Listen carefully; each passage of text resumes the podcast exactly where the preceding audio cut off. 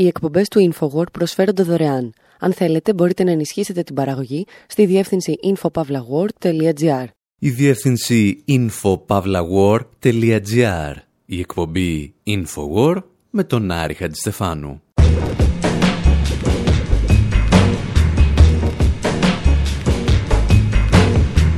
Όπου σήμερα αναρωτιόμαστε γιατί οι δημοσιογράφοι σε όλο τον κόσμο δεν στηρίζουν όπως θα έπρεπε έναν άνθρωπο που θυσίασε την ελευθερία του για τους δημοσιογράφους. Βλέπουμε μια φωτογραφία του Γκορ Βιντάλ στο εξώφυλλο ενός βιβλίου στα χέρια του Τζούλιαν Ασάντς και αφήνουμε να μας πει μια ιστορία γι' αυτό ο μεγαλύτερος whistleblower του 20ου αιώνα.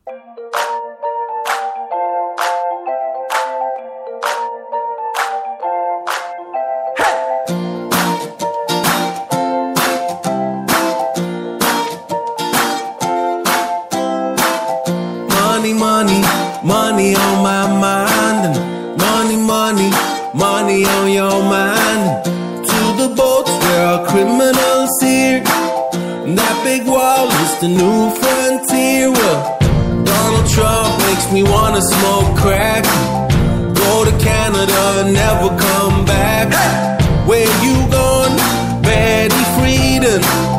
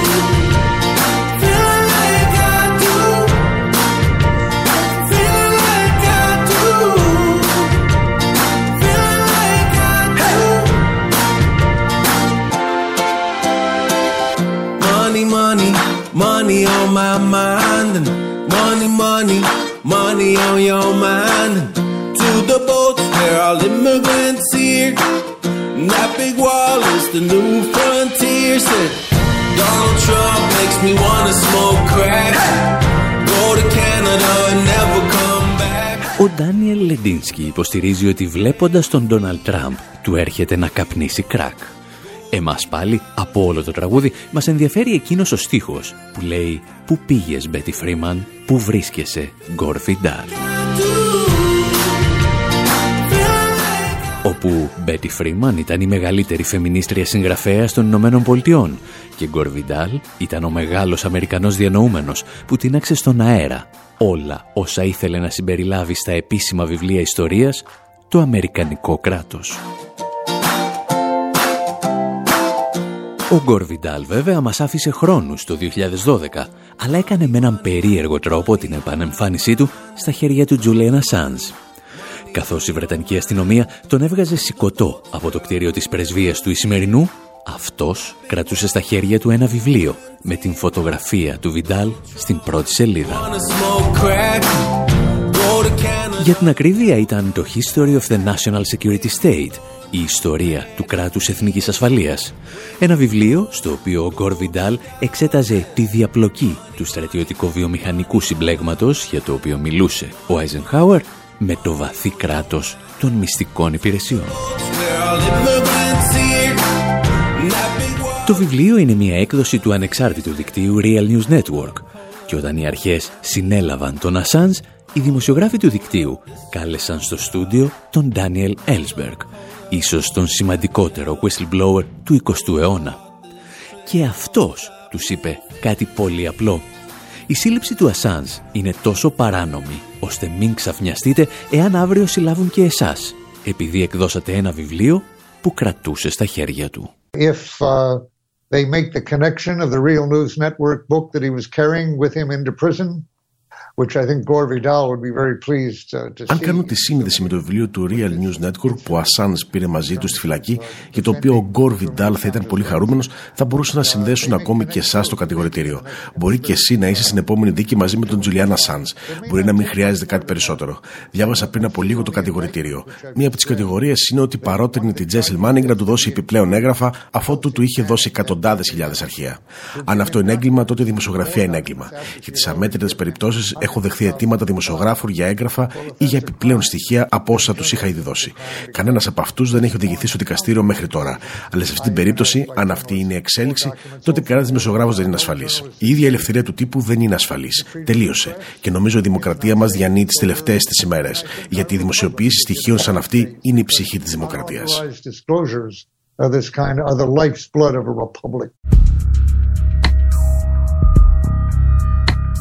Η σύλληψη του Τζούλιαν Ασάντς λοιπόν ίσως σηματοδοτεί την πρώτη ημέρα μιας νέας, πολύ σκοτεινής περίοδου για όλη την ανθρωπότητα. Τη ημέρας που όλοι ανεξαιρέτως οι δημοσιογράφοι μπορούν να οδηγηθούν εν δυνάμει στη φυλακή, απλώς επειδή κάνουν τη δουλειά τους. Δημοσιεύουν τις πληροφορίες που κάποιοι δεν θέλουν να δουν δημοσιευμένες. Γιατί ως γνωστόν, εάν η δημοσίευσή σου δεν ενοχλεί κάποιον, δεν είναι δημοσιογραφία. Είναι δημόσιες σχέσεις. Θα θυμηθούμε στη συνέχεια της εκπομπής ποιος είναι ο Ντάνιελ Έλσμπεργκ και γιατί πρέπει να λάβουμε πολύ σοβαρά την προειδοποίησή του. Γιατί πρώτα έχουμε έναν άλλο ανοιχτό λογαριασμό. Αναρωτιόμαστε γιατί το κράτος του Ισημερινού παρέδωσε τον Τζούλιαν Ασάν στους δίμιους του και συνειδητοποιούμε ότι πίσω από κάθε ήρωα υπάρχει πάντα ένας προδότης. Και το όνομα αυτού, στη συγκεκριμένη περίπτωση, είναι Λένιν Μορένο, ο σοσιαλιστής πρόεδρος του Ισημερινού. Θα λέγαμε ο Κώστας Σιμίτης και ο Θόδωρος Πάγκαλος του Εκουαδόρ. Όπως εξηγούσε ο Ντάνι Έλσμπεργκ, η κίνηση του Μορένο ήταν παράνομη και συνεπώς κανείς δεν μπορούσε να τον εξαναγκάσει σε αυτή, τουλάχιστον δημοσίως.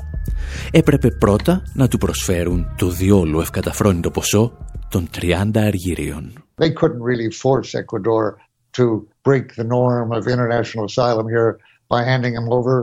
They couldn't force Britain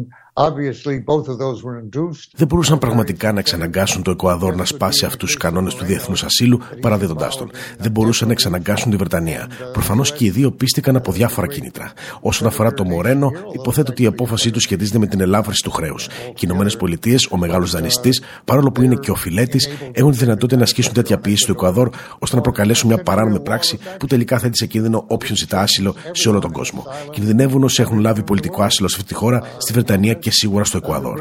Αυτό λοιπόν είναι ιδιαίτερα ανησυχητικό. Οι Βρετανοί βέβαια έχουν μακρά ιστορία δουλοπρέπεια απέναντι στις ΗΠΑ και νομίζω δεν ανησυχούν πολύ για τον νόμο.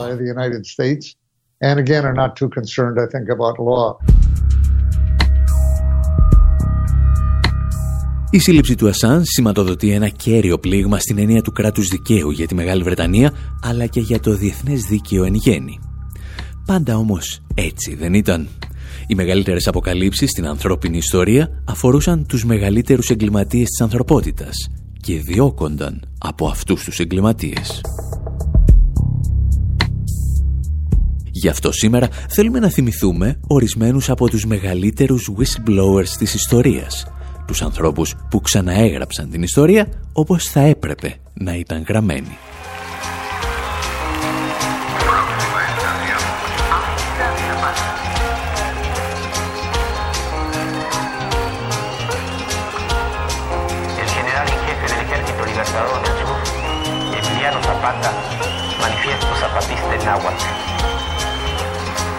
Al pueblo de México, a los pueblos y gobiernos del mundo. Hermanos, nosotros nacimos de la noche, en ella vivimos, moriremos en ella. Pero la luz será mañana para los más, para todos aquellos que hoy lloran la noche, para quienes se niega el día, para todos la luz, para todos todo. Ο Μάνου Τσάου συνδυάζει τη μουσική του με μία από τις ομιλίες του υποδιοικητή Μάρκος. Μία ομιλία που ηχογραφήθηκε στην επαρχία Τσιάπας του Μεξικού. Όταν το Infowar ταξίδεψε στο Μεξικό, επισκέφθηκε και την πρωτεύουσα της Τσιάπας, το Σαν Κριστομπάλ Ντελας Κάζας, όπου Κάζας ήταν ο Βαρθολομέος Ντελας Κάζας, ίσως το πιο μισητό πρόσωπο για κάθε Ισπανό εθνικιστή.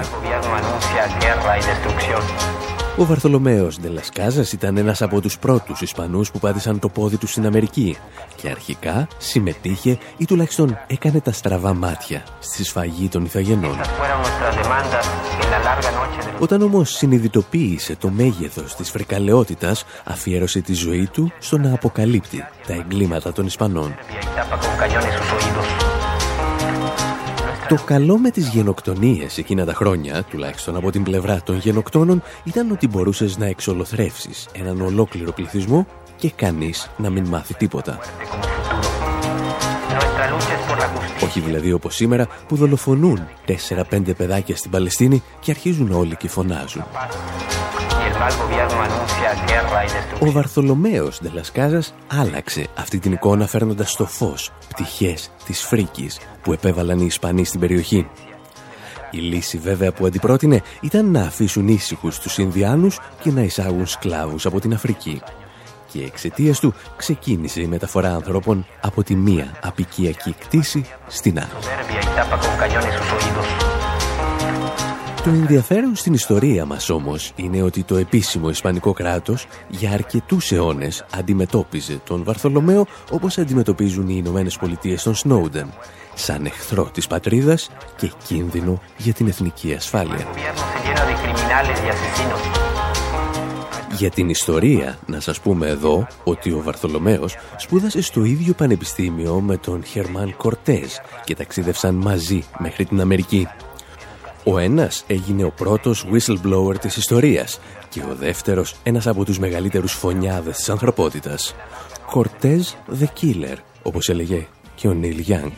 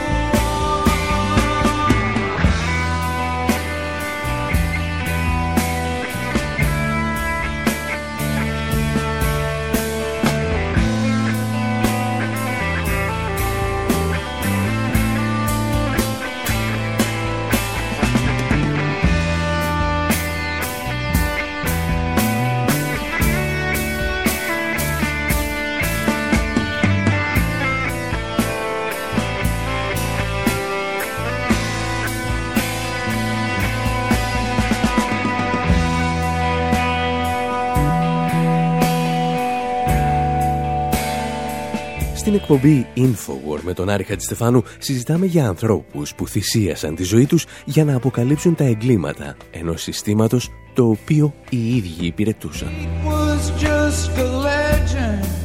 Είδαμε τον Βαρθολομαίο Ντελασκάζας να αποκαλύπτει τη γενοκτονία των Ιθαγενών στο Μεξικό και έχει έρθει η στιγμή να περάσουμε στον δεύτερο μεγαλύτερο whistleblower ή, σύμφωνα με μια καλύτερη απόδοση, πληροφοριοδότη δημόσιου συμφέροντος.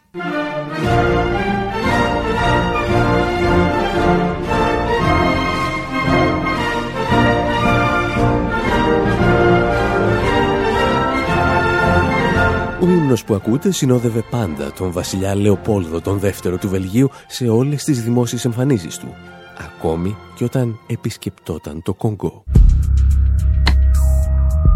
Το Κονγκό αποτέλεσε ένα είδος ιδιωτικής απικίας του Λεοπόλδου, ο οποίος ασκούσε τον έλεγχο μέσω μιας εταιρείας που είχε δημιουργήσει το παλάτι. Ο Λεοπόλδος ήταν επίσης και μάγος της δημόσιας σχέσης. Παρουσίασε την εταιρεία του σαν φιλανθρωπική οργάνωση και ανέθεσε στο διάσημο εξερευνητή Χένρι Στάνλεϊ να οργανώσει την απικία. Ήταν ίσως η πρώτη μη κυβερνητική οργάνωση στην ιστορία με αρμοδιότητα να καταλάβει μια ολόκληρη χώρα. Με μερικές πιέσεις και λίγη καλή τύχη, ο Λεοπόλδος έπεισε και τις άλλες ευρωπαϊκές δυνάμεις, αλλά και τις Ηνωμένες Πολιτείες να αναγνωρίσουν τις κτίσεις του. Και τότε, με τις ευλογίες της διεθνούς κοινότητας, ξεκίνησε μία από τις μεγαλύτερες γενοκτονίες στην ανθρώπινη ιστορία. Αρχικά πίστευε ότι θα γίνει πλούσιος από το εμπόριο ελεφαντόδοντου. Γρήγορα όμως διαπίστωσε ότι τα λεφτά βρίσκονταν στο καουτσούκ. Οι δυνάμεις του Λεοπόλδου λοιπόν πήγαιναν στα χωριά, απήγαγαν όλες τις γυναίκες και ανάγκαζαν τους άνδρες και τα παιδιά να συλλέγουν καουτσούκ. Και για όσους δεν έφερναν τις απαιτούμενες ποσότητες, η τιμωρία ήταν φρικιαστική. Τα εξηγούσε παλαιότερα ντοκιμαντέρ του BBC. Προκειμένου να εξασφαλίσει την κυριαρχία στις κτίσεις του, ο Λεοπόλδος κατέφυγε σε ακραίες μορφές βίας. Σε όσους δεν κατάφεραν να συλλέγουν την απαιτούμενη ποσότητα καουτσούκ, τους έκοβε το δεξί χέρι, ακόμα και αν ήταν ανήλικα παιδιά. Το 1896, μια γερμανική εφημερίδα ανέφερε ότι μέσα σε μία ημέρα κόπηκαν 1308 χέρια. Ο Λεοπόλδος δημιούργησε ένα στρατό 90.000 ανθρώπων για να επιβάλλει την κυριαρχία του. Και ένας από τους αξιωματικούς του έγραψε τότε «Μόνο το μαστίγιο μπορεί να εκπολιτήσει τους μαύρους». Όλο το εργατικό δυναμικό της χώρας, δηλαδή οι σκλάβοι που είχαν ακόμη δύο χέρια, μάζευαν μόνο καουτσούκ. Γεγονός που μεταξύ άλλων διέλυσε την γεωργία και την κτηνοτροφία στο κέντρο της Αφρικανικής Υπήρου. Μόνο που οι Βέλγοι απεικιοκράτες έκαναν ένα μικρό λάθος. Έκοψαν τόσα πολλά χέρια παιδιών και εκτέλεσαν τόσους πολλούς σκλάβους ώστε παρατηρήθηκαν ελλείψεις εργατικού δυναμικού. Γιατί ως γνωστόν, αν έχεις ένα χέρι ή πολύ περισσότερο εάν είσαι νεκρός, η παραγωγικότητά σου μειώνεται αισθητά. Και τότε, στις αρχές του 20ου αιώνα, η κυβέρνηση του Βελγίου αποφάσισε να παρέμβει, φορώντας το ανθρωπιστικό της προσωπείο.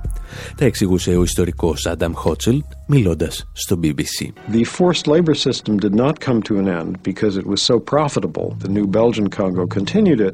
Η νέα κυβέρνηση του Βελγίου διατήρησε το καθεστώς σκλαβιάς μέχρι τη δεκαετία του 20 γιατί ήταν εξαιρετικά προσοδοφόρο. Τότε οι Βέλγοι αξιωματούχοι στο Κονγκό διαπίστωσαν ότι ο πληθυσμός μειωνόταν με τόσο γρήγορο ρυθμό λόγω των συνθηκών σκλαβιάς, οπότε έπρεπε να αλλάξουν τις μεθόδους που χρησιμοποιούσαν.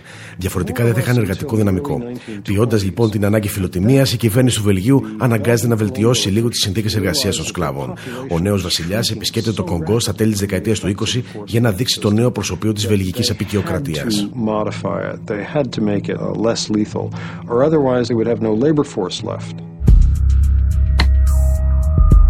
πτώση της παραγωγικότητας από τα κομμένα χέρια των σκλάβων δεν ήταν όμως ο μοναδικός λόγος για τον οποίο το Βέλγιο αποφάσισε να αλλάξει τη στάση του. Ένας Βρετανός δημοσιογράφος, ο Edmund Dean Morel, είχε αφιερώσει τη ζωή του στο να αποκαλύπτει τη γενοκτονία που πραγματοποιούσε το Βέλγιο στο Κονγκό. Σε αυτή του την επιτυχημένη προσπάθεια, ο Μόρελ είχε στο πλευρό του ορισμένες από τις πιο δυνατές πένες της εποχής του. Συγγραφείς όπως ο Μαρκ Τουέιν, ο Άρθουρ Κόναν Ντόιλ, ο Άνατολ Φρανς και φυσικά ο Τζόζεφ Κόνραντ. Για την ακρίβεια, ο τελευταίος εμπνεύστηκε από τη γενοκτονία το βιβλίο του «Η καρδιά του σκότους», που στη συνέχεια ενέπνευσε τον Κόπολα να γυρίσει το «Αποκάλυψη τώρα». Και μιας και μπήκαμε στα χωράφια του κινηματογράφου, έχουμε μερικές ακόμη ιστορίες για να σας διηγηθούμε στο δεύτερο μέρος για whistleblowers που έγιναν ταινία.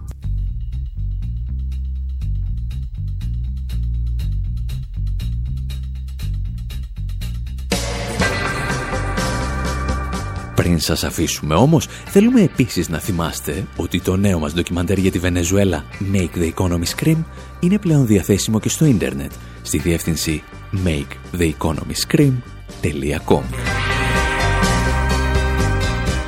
και ίσως οι γνώσεις μας για τη Βενεζουέλα να ήταν πολύ πιο φτωχές εάν το Wikileaks δεν είχε αποκαλύψει πριν από χρόνια τα τεράστια ποσά που έδιναν οι Ηνωμένες Πολιτείες σε διάφορους επίδοξους πραξικοπηματίες όπως στην παρέα του Χουάν Γκουαϊδό.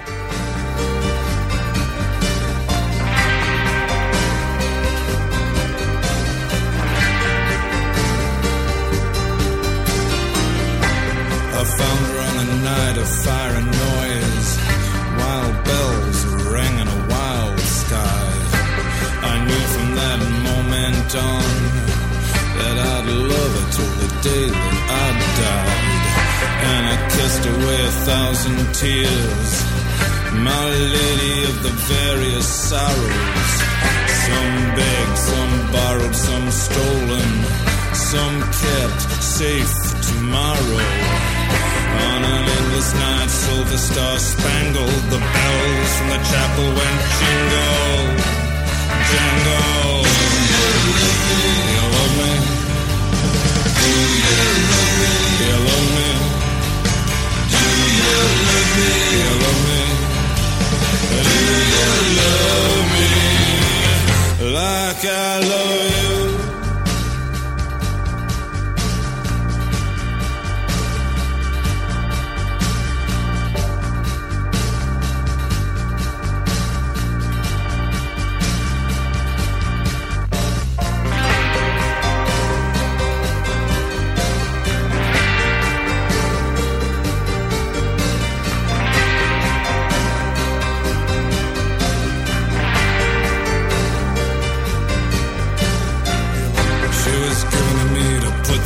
love me? like I love you. accomplishments beside her.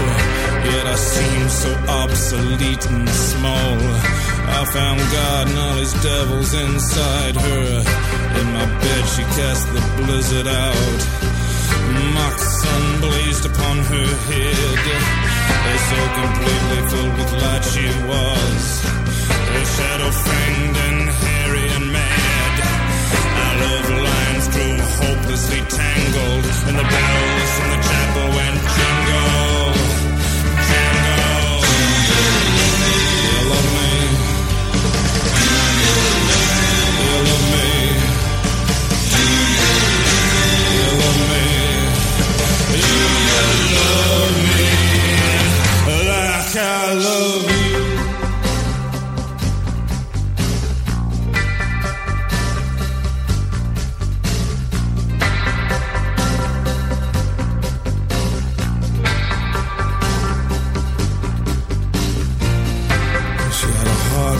devotion. She had a mind full of tyranny and terror. Well, I try, I do, I really try. But I just err, baby, I do err. So come find me, my darling one. I'm down ground, the very dregs. She comes, blocking the sun. Blood running down the inside of her legs. The moon in the sky is battered and mangled, and the bells in the chapel go jingle, jangle, jingle, jangle, jingle, jangle, jingle, jingle. Love me, love me,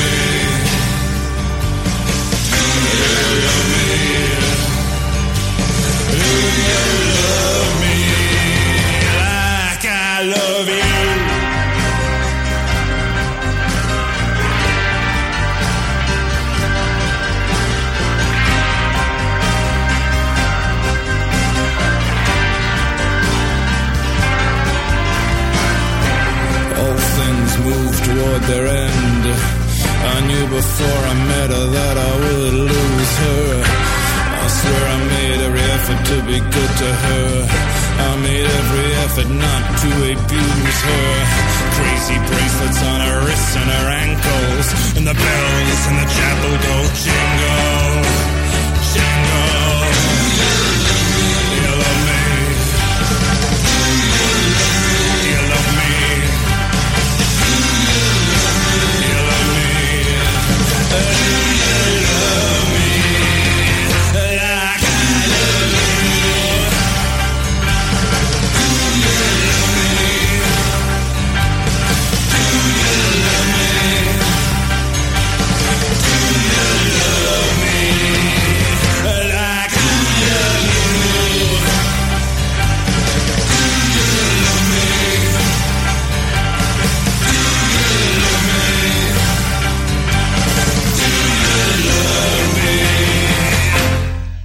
Εκπομπές του InfoWord προσφέρονται δωρεάν. Αν θέλετε μπορείτε να ενισχύσετε την παραγωγή στη διεύθυνση infopavlagor.gr.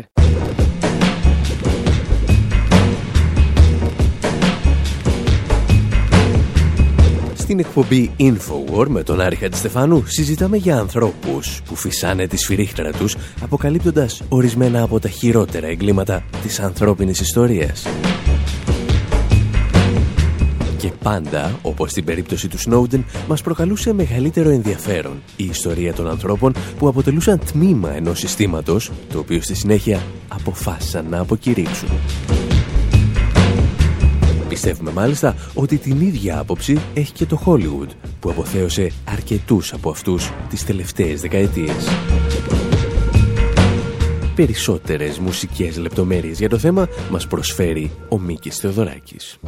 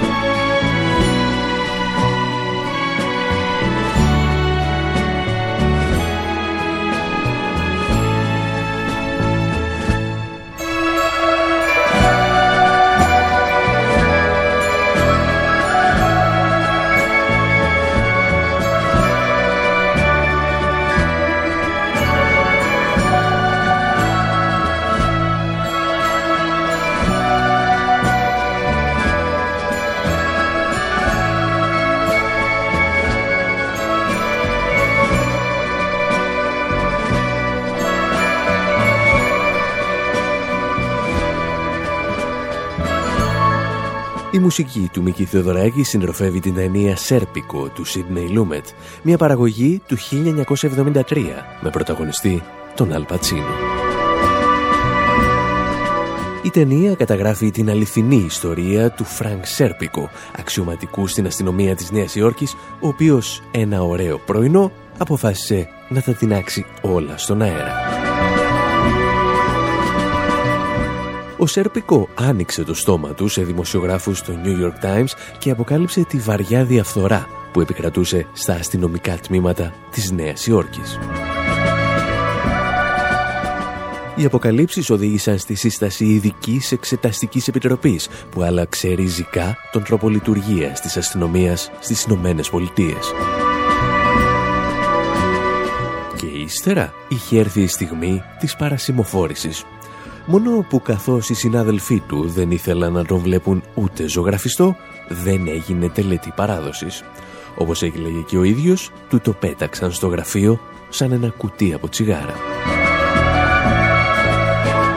Παρ' όλα αυτά, οι άνθρωποι που αμφισβητούσαν το σύστημα του οποίου αποτελούσαν μέρος συνέχιζαν να συναρπάζουν το Hollywood που τους αφιέρωσε δεκάδες ταινίες, όπως λόγου χάρη το σύνδρομο της Κίνας.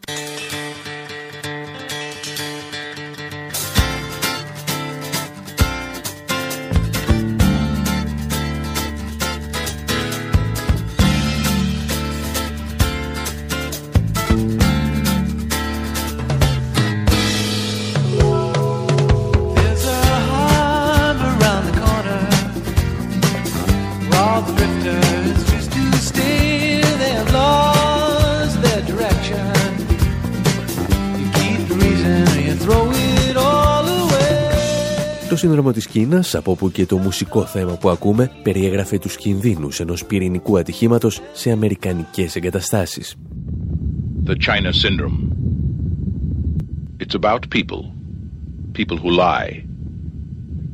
And people faced with the agony. Για άλλη μια φορά η ταινία πατάει βαριά στην πραγματικότητα αφού περιγράφει την ιστορία τριών υψηλόβαθμων υπαλλήλων της General Electric οι οποίοι παρετήθηκαν καταγγέλλοντας την Αμερικανική βιομηχανία πυρηνικής ενέργειας. Μια ιστορία που επαναλαμβάνεται σε νεότερες παραγωγές, όπως εδώ, στο Insider, με τον Russell Crowe και τον Al Pacino. The following is a sneak preview of the best reviewed film of the year. An insider ready to speak the truth. And I want to go on the record. A reporter who will help him reveal it. Ο Τζέφρι Βίγκαντ, η ιστορία του οποίου αποτυπώθηκε στην ταινία The Insider, ήταν αντιπρόεδρος στο τμήμα έρευνας και ανάπτυξης της καπνοβιομηχανίας Brown Williamson. Αυτός αποκάλυψε ότι η εταιρεία του αυξάνει την περιεκτικότητα νικοτίνης στα τσιγάρα της για να προκαλεί εθισμό στους αγοραστές. Ελαφρώς πιο σύνθετη ήταν η περίπτωση του Mark Whiteacre, γνωστού από την ταινία The Informant με τον Matt Damon. The tapes for us when you're making them just not a problem. Once it starts, it is going to be intense. Uh, what is he doing? I told him the camera was in the lamp. No. No.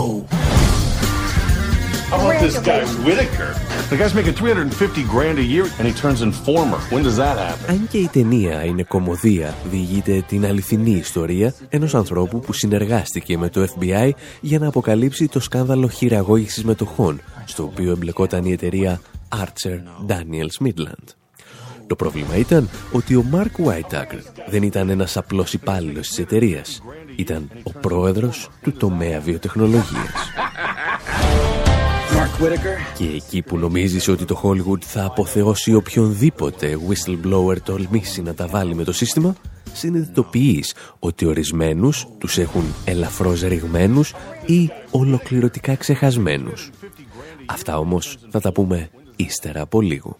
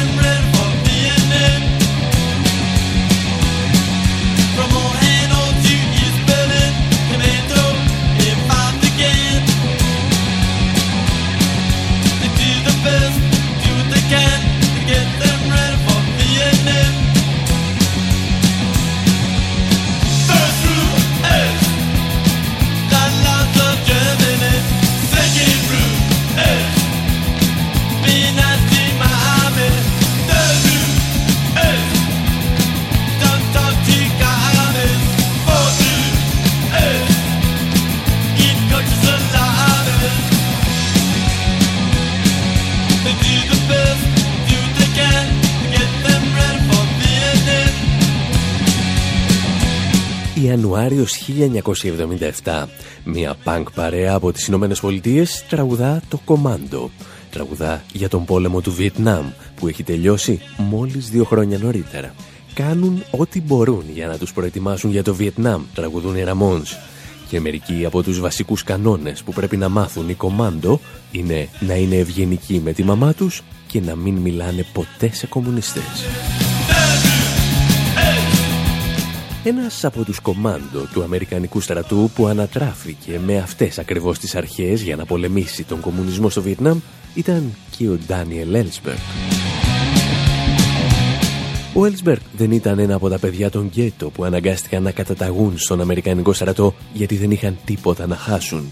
Ήταν πολιτικός αναλυτής και είχε ήδη εργαστεί σε υψηλόβαθμα πόστα ακόμη και δίπλα στον Υπουργό Άμυνας Ρόμπερτ Μακναμάρα.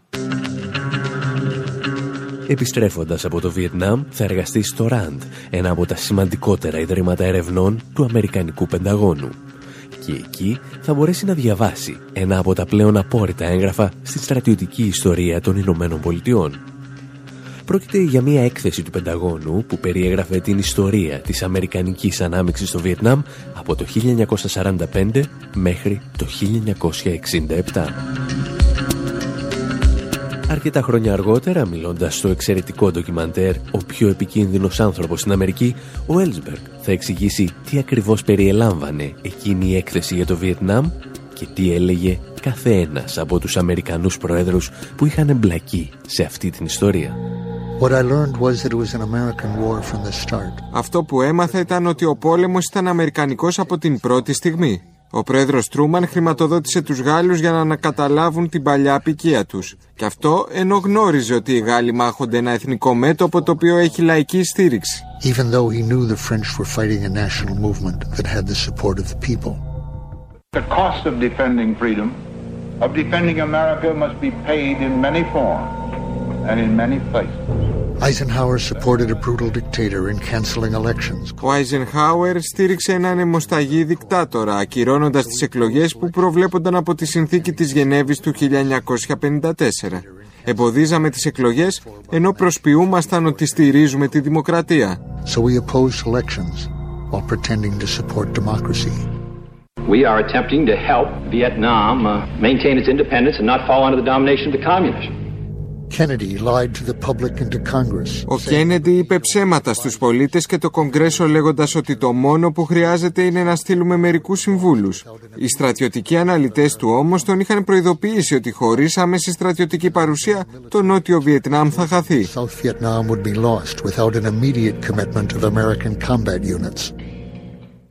We still seek no wider war.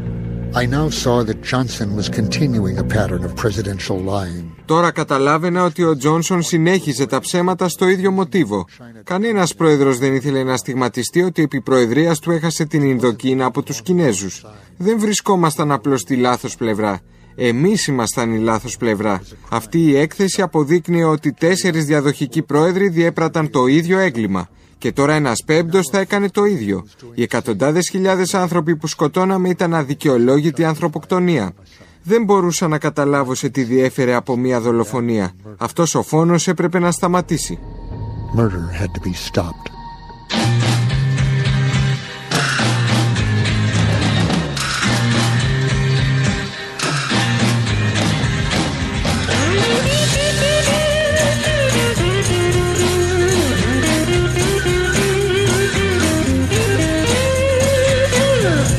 Must be some kind of way out of here. Say the joker to the thief. There's too much confusion. I can't get no relief. Μέσα από την απόρριτη έκθεση του Πενταγώνου, ο Έλσμπεργκ συνειδητοποιεί ότι δεν είναι ένας απλός αναλυτής των Αμερικανικών ενόπλων δυνάμεων. Είναι και αυτός ένα γρανάζι μιας μηχανής θανάτου είναι ταυτόχρονα ο παλιάτσος αλλά και ο ληστής μιας ολόκληρης χώρας, του Βιετνάμ. Ο Έλσμπερκ βλέπει τον κόσμο που έχτιζε από τα φοιτητικά του χρόνια να καταραίει. Οι συναδελφοί του φαντάζουν δολοφόνοι στα μάτια του και ο ίδιος θεωρεί τον εαυτό του συνένοχο σε ένα έγκλημα είναι ίσως η στιγμή που ανατρέπει την κοινοτοπία του κακού για την οποία μιλούσε η Χάνα Άρεντ περιγράφοντας τα εγκλήματα των υπαλλήλων της ναζιστικής Γερμανίας. Με τον αμένο σιωπηλός για όσα είχα δει και διαβάσει γινόμουν συνένοχος. Δεν ήταν μόνο αυτοί που έκρυβαν από τον Αμερικανικό λαό όλες τις αποφάσεις. Και εγώ τις έκρυβα. Αρχικά πίστευα ότι θα είμαι ένας απλός παρατηρητής, ένας κοινωνικός επιστήμονας που θέλει να κατανοήσει τις εσωτερικές λειτουργίες της κυβέρνησης. Στην πραγματικότητα όμως, ακόμη και όταν ασκούσα κριτική, ήμουν συμμέτοχος σε ό,τι συνέβαινε. Ακόμη και όταν εξέφρασα τις διαφωνίες μου με κράτησαν στη θέση μου. Με παρατηρούσαν αλλά με άφηναν να λαμβάνω μέρος στη διαδικασία. Εν τέλει έκανα τις δουλειές που αυτοί μου ανέθεταν.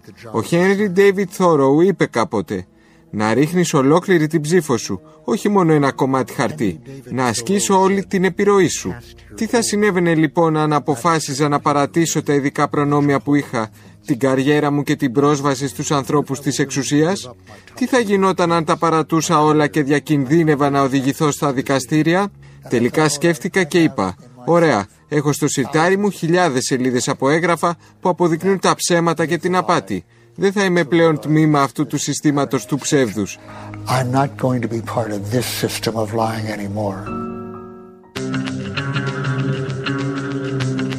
Ο Έλσμπεργκ σκέφτεται για θέματα που θα έπρεπε να απασχολούν υπαλλήλους Υπουργείων και Υπηρεσιών, επιστημονικούς συνεργάτες ή μετακλητούς υπαλλήλους σε όλο τον κόσμο.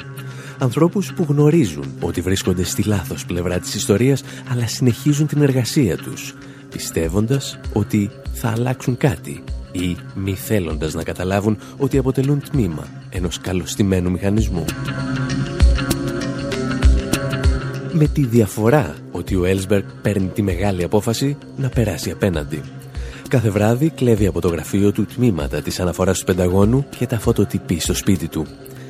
Βάζει ακόμη και τα ανήλικα παιδιά του να τον βοηθήσουν με τα χιλιάδες έγγραφα που πρέπει να αντιγραφούν και να ταξινομηθούν και κάθε μέρα περιμένει ότι το FBI θα χτυπήσει την πόρτα του και θα τον οδηγήσει στη φυλακή. Ο Έλσμπεργκ θα γίνει συνώνυμο του σύγχρονου whistleblower και συμπτωματικά ακολουθεί την ίδια διαδρομή με τον Σνόουντεν. Αρχικά θέλει να καταταγεί στις ειδικές δυνάμεις του Αμερικανικού στρατού, αλλά καταλήγει πολύ πιο κοντά στις υπηρεσίες πληροφοριών. Και από εκεί τραβά το χαλί, πάνω στο οποίο κάθεται ένα ολόκληρο σύστημα. Το Hollywood όμως, που όπως είπαμε ενθουσιάζεται με τέτοιες ιστορίες, δεν αφιέρωσε καμία πολυδάπανη παραγωγή για αυτή την ιστορία. Την ιστορία ενός ανθρώπου που τα έβαλε με τον ισχυρότερο στρατιωτικό και διπλωματικό μηχανισμό του πλανήτη και τον κέρδισε. Όπως φυσικά το Hollywood δεν έκανε την παραμικρή αναφορά και στον Ισραηλινό ήρωα Μορντεχάι Βανούνου που αποκάλυψε τα όπλα μαζικής καταστροφής που διαθέτει εδώ και δεκαετίες το Ισραήλ. Η δική του ιστορία είχε από πανέμορφες πρακτόρεσες της Μοσάντ μέχρι μυθιστορηματικές απαγωγές και εξαφανίσεις. Κανένα σεναριογράφος όμως δεν θέλησε να ασχοληθεί με μια ιστορία που εξακολουθεί να εξοργίζει το κράτος του Ισραήλ. Αν πάλι εσείς θέλετε να ακούσετε μερικές ακόμη ιστορίες για τον Βανούνου, θα τις βρείτε στο αφιέρωμά μας στη διεύθυνση info.pavlawar.gr Μέχρι πάντως την επόμενη εβδομάδα, από τον Άρη Χατζηστεφάνου στο μικρόφωνο και τον Δημήτρη Σταθόπουλο στην τεχνική επιμέλεια, γεια σας και χαρά σας.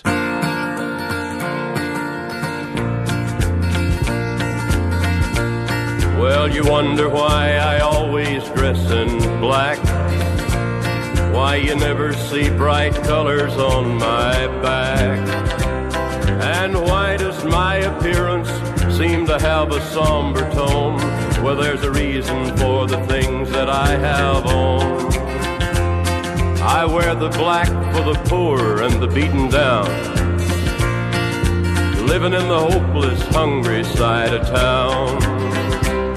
I wear it for the prisoner who has long paid for his crime, but is there because he's a victim of the time.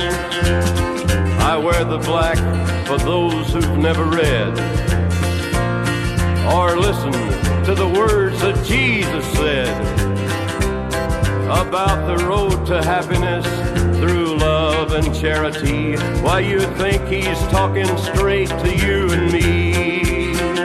Well, we're doing mighty fine, I do suppose.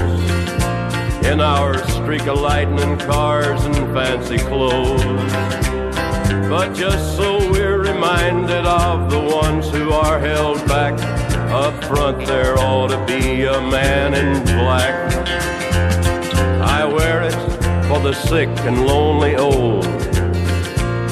For the reckless ones whose bad trip left them cold I wear the blackened mourning for the lives that could have been. Each week we lose a hundred fine young men.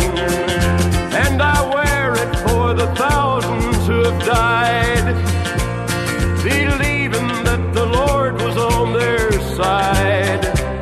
I wear it for another hundred thousand who have died, believing that we all were on their side Well, there's things that never will be right, I know.